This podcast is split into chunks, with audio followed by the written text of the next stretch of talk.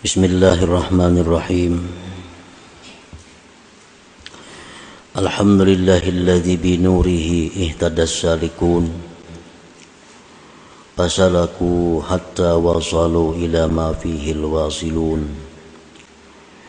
أشهد أن لا إله إلا الله وحده لا شريك له شهادة لا شك فيها ولا ممنون. واشهد ان سيدنا محمدا عبده ورسوله المحسن المنون اللهم صل وسلم وبارك على سيدنا مولانا محمد المامون وعلى اله وصحبه وذريته واتباعه الى يوم لا ينفع فيه مال ولا بنون اما بعد yang kita hormati dan kita cintai para habaib dan para alim ulama, para muhibbin rahimakumullah. Alhamdulillah kita panjatkan puji dan syukur kehadiran Allah Subhanahu wa taala yang telah memberikan pertolongan, taufik dan hidayah kepada kita sehingga kita selalu bisa berkumpul bersama-sama di majelis yang penuh berkah dan rahmat ini. Salawat dan salam kita haturkan kepada junjungan kita Nabi besar Muhammad sallallahu alaihi wasallam dan kepada seluruh keluarga, para sahabat, zuriat dan pengikut beliau. Para muhibbin rahimakumullah. الحكمة السادسة والثلاثون من الحكم العطائية قال الإمام أحمد بن عطاء الله السكندري رحمه الله Hikmah yang ke-36 dari Al-Hikam berkata Imam Ahmad Ibnu Athaillah As-Sakandari rahimahullah Syu'aul basirah yushhiduka qurbahu minka. Wa ainul basirah yushhiduka adama kali wujudi wa haqqul basirah yushhiduka wujudahu la adamaka wala wujudak.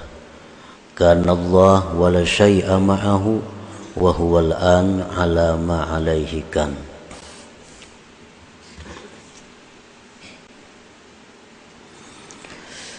Artinya bermula cahaya mata hati. Su'aul basirah. Bermula cahaya mata hati memberikan kesaksian kepada engkau akan dekatnya Tuhan daripada engkau. Dan ainul basirah memberikan penyaksian kepada engkau akan tiadanya engkau bagi adanya Allah. Wa haqqul basirah dan haqqul basirah memberikan penyaksian kepada engkau akan adanya Allah Subhanahu wa taala. Tidak ketiadaan engkau dan tidak keberadaan engkau. Adalah Allah dan tidak ada sesuatu beserta Allah. Dan dia Allah sekarang ini atas keadaan adalah Allah dahulu atas keadaan itu. Nah itulah arti atau terjemah daripada hikmah yang ke-36 ini. Para muhibbin rahimakumullah. Imam Ahmad Ibnu Atta'illah di dalam hikmah yang ke-36 ini membicarakan tentang basirah. Basirah itu artinya nazirul qalbi mata hati. Kalau mata nang hirang putih ini disebut nazirul qalab. Nazirul qalab. Nah, itu mata nang ini kalau mata hati itu disebut dengan nazirul qalbi atau basirah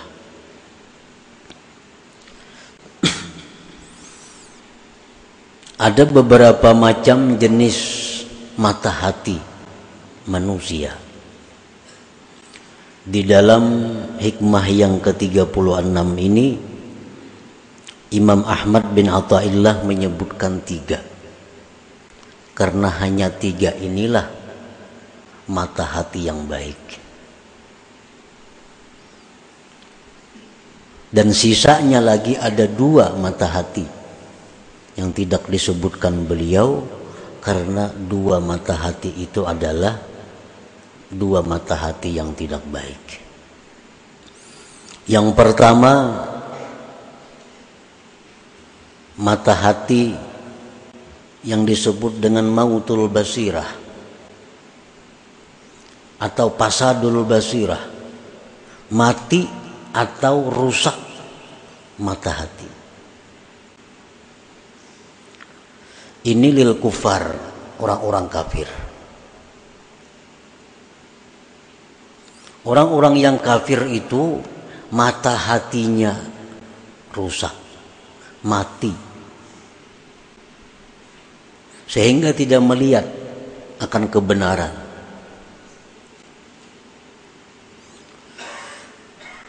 Di zaman Rasulullah sallallahu alaihi wasallam bagaimana nampaknya kebenaran beliau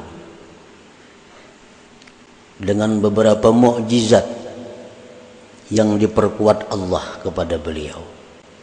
Abu Jahal dan lain-lainnya, orang yang hidup sekampung dengan Nabi kita. Mereka melihat persis bagaimana hidupnya Nabi kita, akhlaknya Nabi kita. Tetapi karena Abu Jahal dan kawan-kawan ini mautul basirah, mata hatinya mati. Tidak melihat kebenaran sehingga mereka tidak beriman kepada Nabi kita Shallallahu Alaihi Wasallam. Nah ini mata hati yang sudah mati. Sawaun alaihim aandartahum am lam tunzirhum fahum la yu'minun. Sama ada dilajari, kada dilajari, tetap inya kada mengerti. karena apa? Karena orang mati. Nah, pasadul basirah atau mautul basirah. Yang kedua yang ditinggalkan oleh pengarang dalam hikmah yang ke-36 ini adalah masdudatul basirah. Tertutup mata hati itu. Mata hatinya baik, mata hatinya hidup, tetapi masdudah tertutup.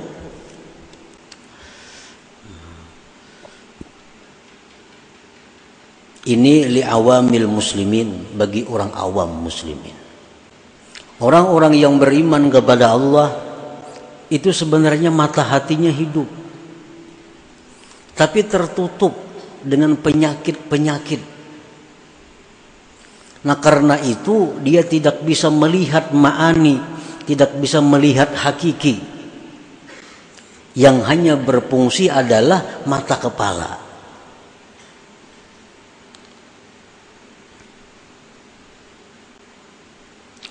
Nah, andai kata itu diusahai dengan perbaikan-perbaikan, dengan perawatan-perawatan, kalau perlu dengan operasi, maka mata hati itu akan baik, akan hidup.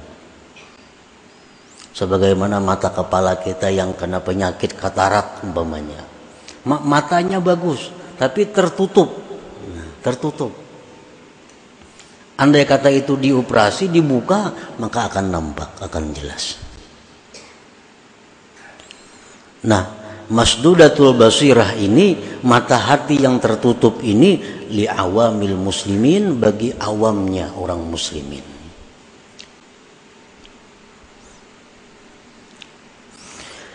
Para muhibbin rahimakumullah.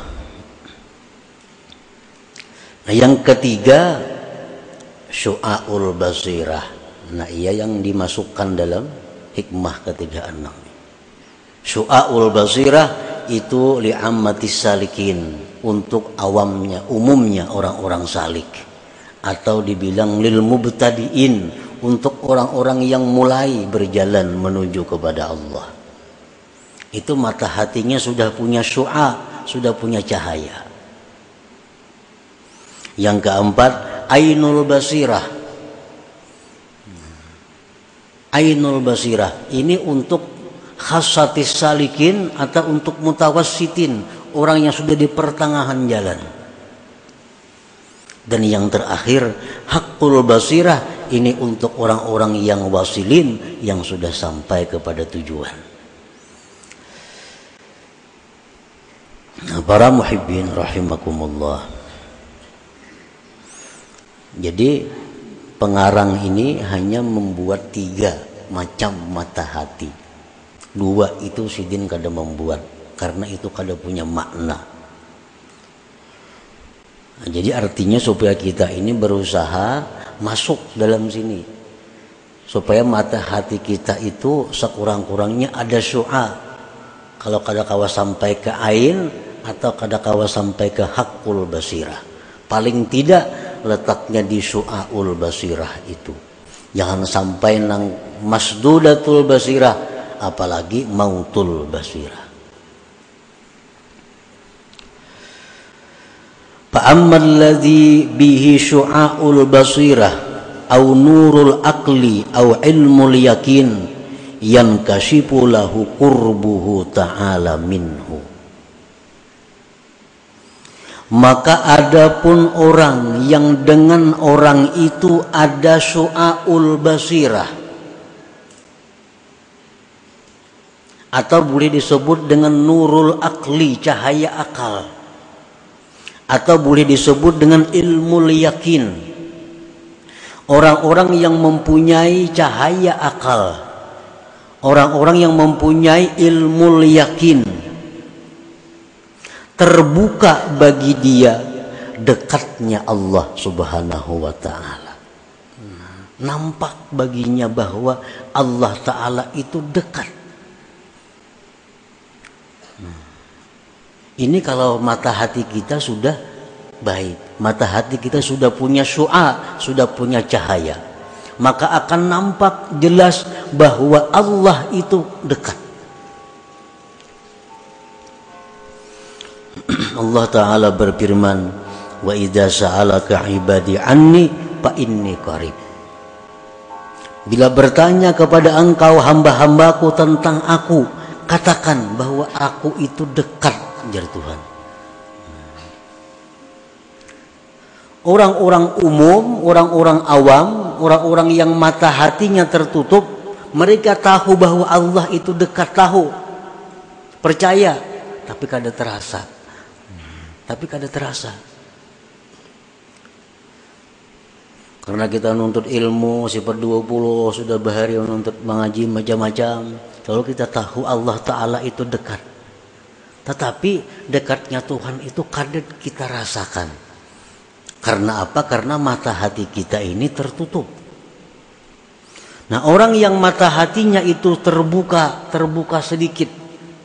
Sedikit kita buka mata hatinya maka akan jelas baginya bahwa Allah itu dekat. Bahkan Allah berfirman wa nahnu aqrabu ilaihi min hablil warid. Ujar Tuhan kami itu lebih dekat kepadanya dari urat lehernya sendiri. Kami jar Tuhan lebih dekat kepada kamu itu daripada urat leher kamu sendiri. Nah cuma tadi masalahnya kita ini matanya tertutup.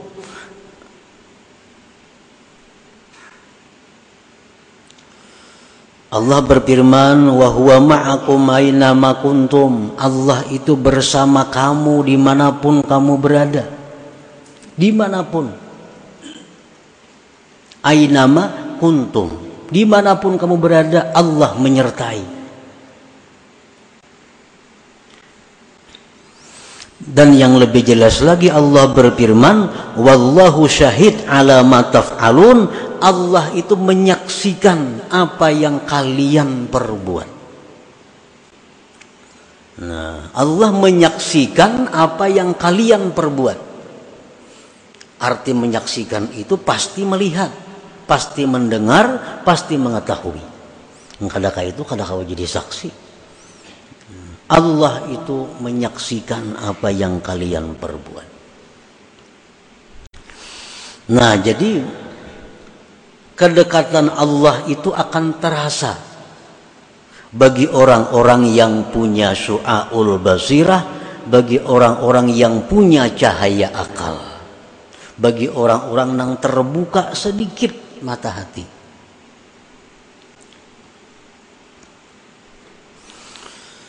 Nah, wabidalik dengan sebab demikian mata hati yang terbuka sedikit tadi sehingga nampak kedekatan Allah dengannya raqaballaha ta'ala wa ta'addaba bihi maka dia akan selalu merasa diawasi oleh Allah. Selalu diawasi oleh Allah. Karena inya merasa Allah itu dekat Inya merasa Allah itu menyaksikan. Lalu inya merasa diawasi oleh Allah. Wa ta'addaba bihi dan dia beradab dengan Allah zahira wa batina baik zahir maupun batinnya. Nah, para muhibbin rahimakumullah. Jadi artinya kayak apa supaya kita ini merasa diawasi oleh Allah terus. Kayak apa supaya kita ini beradab lawan Allah? Itu mesti mata hati kita dahulu dibuka sekalipun sedikit. Sehingga kita melihat dengan mata hati Allah Ta'ala itu dekat tadi. Wabidalik dengan demikian raqaballah dia merasa diawasi oleh Allah wa ta'addaba bihi dan beradab dengan Allah. Zahira wa batina baik zahir maupun batin. Contoh beradab zahir lawan Allah macam apa? Seperti kalau mubadarati alam tisadil awamir wajtina bin nawahi. Seperti segera menjunjung perintah, segera menjauhi larangan. Nah, ini orang yang beradab zahir dengan Allah. Ada perintah Allah ini, dia segera melakukan. Ada larangan Allah macam ini, dia segera meninggalkan. Nah, ini orang beradab dengan Allah pada zahir. Adapun contohnya orang beradab dengan Allah pada batin seperti ikhlas. Seperti lagi ada mul i'tirad, tidak ada ma'i'tirat kepada Allah. Kenapa macam ini aku dalam hati ini? Kenapa langkah ini jadinya? Nah, itu ma'i'tirat kepada Allah. Nah, kalau kita beradab batin kita kepada Allah, ada istilah kenapakah ini? Maka kadakah itu? Nah,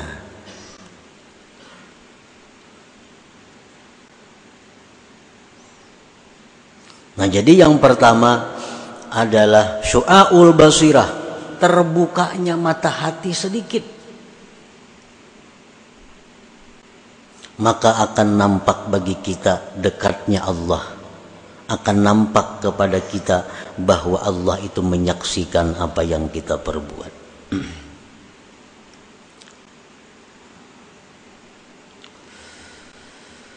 Nah jadi tugas kita kalau kita hendak mulai berjalan kepada Allah yang pertama kita urus adalah membuka mata hati itu.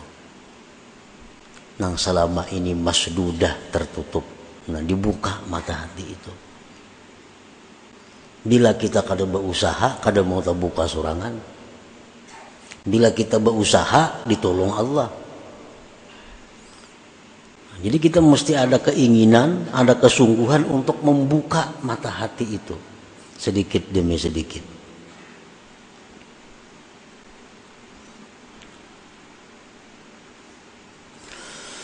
Wa amma alladhi bihi ainul basirah au nurul ilmi au ainul yakin. Adapun orang yang dengannya itu ada ainul basirah atau nurul ilmi atau ainul yakin Nah ini orang yang sudah mulai banyak terbuka. Tapi belum sepenuhnya. Tapi sudah banyak terbuka. Sudah hilangan macam-macam penyakit-penyakit yang ada di mata yang menghalangi.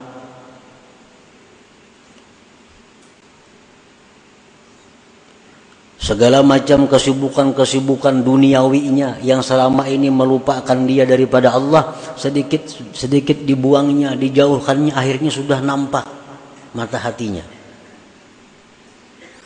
Nah, orang yang mata hatinya sudah banyak kebaikan, orang yang mata hatinya sudah nampak terbuka, walaupun belum sepenuhnya. Yankashifu lahu wujudul haq wa adamul khalqi ay adamul hauli wal quwwati bihim.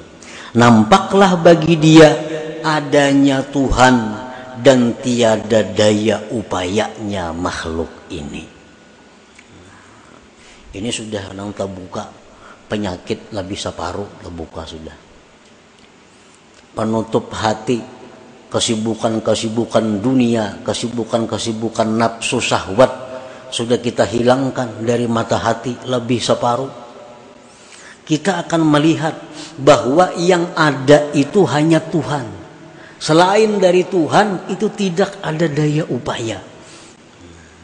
Tidak ada daya upaya.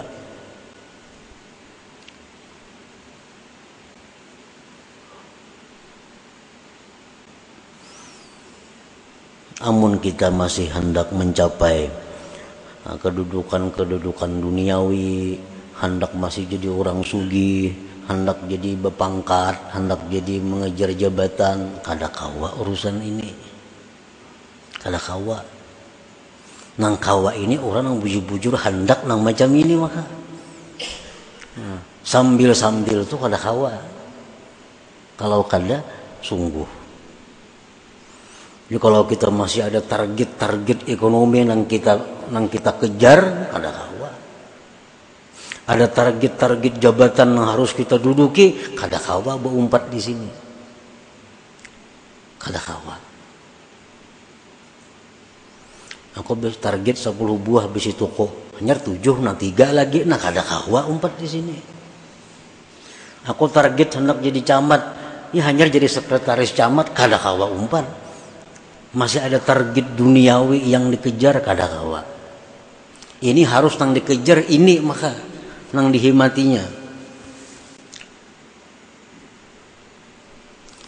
Membuka tutupan mata hati itu Apabila tutupan-tutupan itu sudah banyak nang terbuka, maka kita sudah melihat bahwa yang ada itu hanya Allah, selain Allah itu tidak ada daya dan upayanya.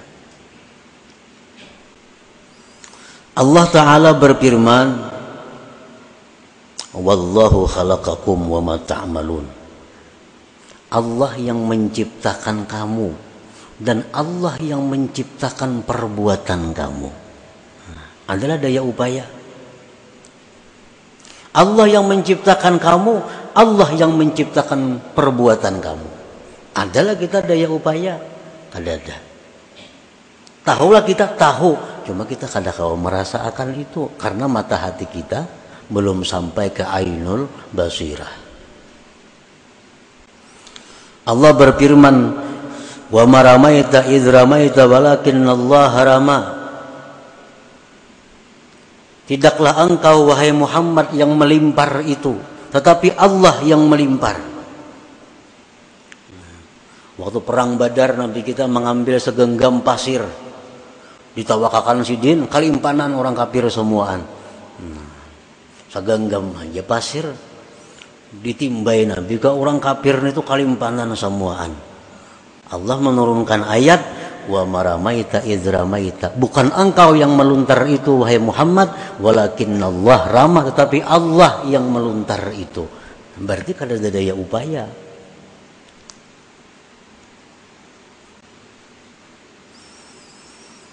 Rasulullah sallallahu alaihi wasallam bersabda wa'lam annal ummata law ijtama'at ala ay yanfa'uka bi syai'in lam yanfa'uk illa bi syai'in qad katabahu Allahu lak. Walau ijtama'u ala ay yadurruk bi syai'in lam yadurruk illa bi syai'in qad katabahu Allahu alaik.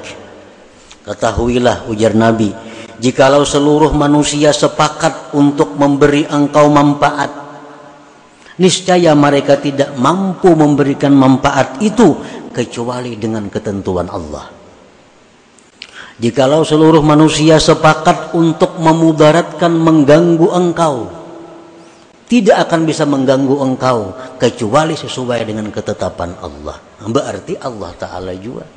Yang lain dari daya upaya. Nah orang-orang yang punya ainul basirah mereka melihat itu.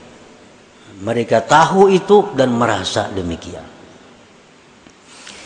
Wabidalik la ya'bahu bihim wa la bihim oleh karena itu orang-orang yang punya ainul basirah tadi tidak peduli dengan makhluk dan tidak merasa jinak dengan makhluk itu.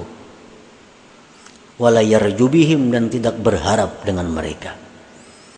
Orang-orang yang punya ainul basirah itu kada peduli orang. Orang katujuh, terima kasih. Kada katujuh, kada jadi soal. Kenapa? Inya mengetahui bahwa orang itu kada ada daya upaya juga Nah, orang itu kalau sarik silahkan, katujuan aku silahkan. Kenapa? Icam itu ada berdaya upaya. Nah, itu orang yang punya ainul basirah. La ya'bahu bihim wa la yasta'nisu bihim. Fayatimmu bidzalik ikhlasuhu wa tawakkuluhu wa ridah maka dengan demikian ikhlas orang ini tawakal orang ini ridhanya orang ini jadi sempurna jadinya.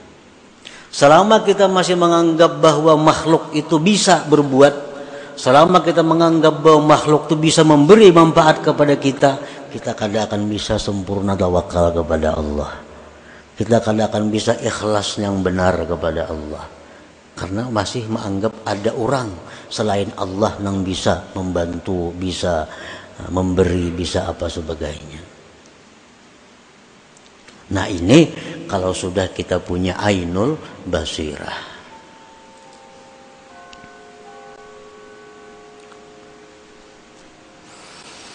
wa ammal ladhi bihi haqqul basirah aw nurul haq aw haqqul yakin syahadal haqqa wa lam yushahid ma siwah wa bidzalik yatahayya'u li maqamil baqa maqamin la yahjubuhu al haqqu anil khalqi wa dzal khalqu anil haqq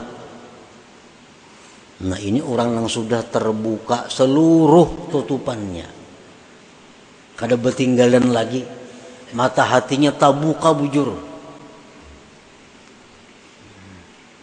Yang pertama tadi soal basirah sedikit terbuka mata hati. Sudah nampak Tuhan tuh parak Separuh buka mata hati. Sudah nampak bahwa nang lain pada Tuhan tuh kada punya apa-apa. Sudah terbuka tebu semuanya mata hati kita melihat bahwa yang ada itu baik sifat, baik zat, baik afal yang ada hanya Allah Subhanahu wa taala, yang lain tidak ada. Nah, bila sudah kau menduduki itu, maka dia akan bersiap-siap untuk naik ke suatu makam yang disebut makamul baka. Makam baka ini makam yang mana kalau dia memandang kepada Allah, dia tidak melupakan makhluk. Kalau dia memandang kepada makhluk, dia tidak melupakan Allah Subhanahu wa taala. Inilah makam yang diduduki oleh para nabi dan rasul serta para aulia-aulia ul kibar wali-wali yang besar. Jadi kadang kala sampai kita ke kedudukan itu kecuali mesti melalui tiga makam, tiga tempat ini. Nah itulah sebagian yang dimaksud daripada hikmah yang ke-36 daripada hikam atau iyah ini. Artinya kita disuruh membuangi tutupan mata hati sedikit demi sedikit akhirnya sampai kepada terbuka seluruhnya. Nah, selanjutnya hikmah yang ke-37.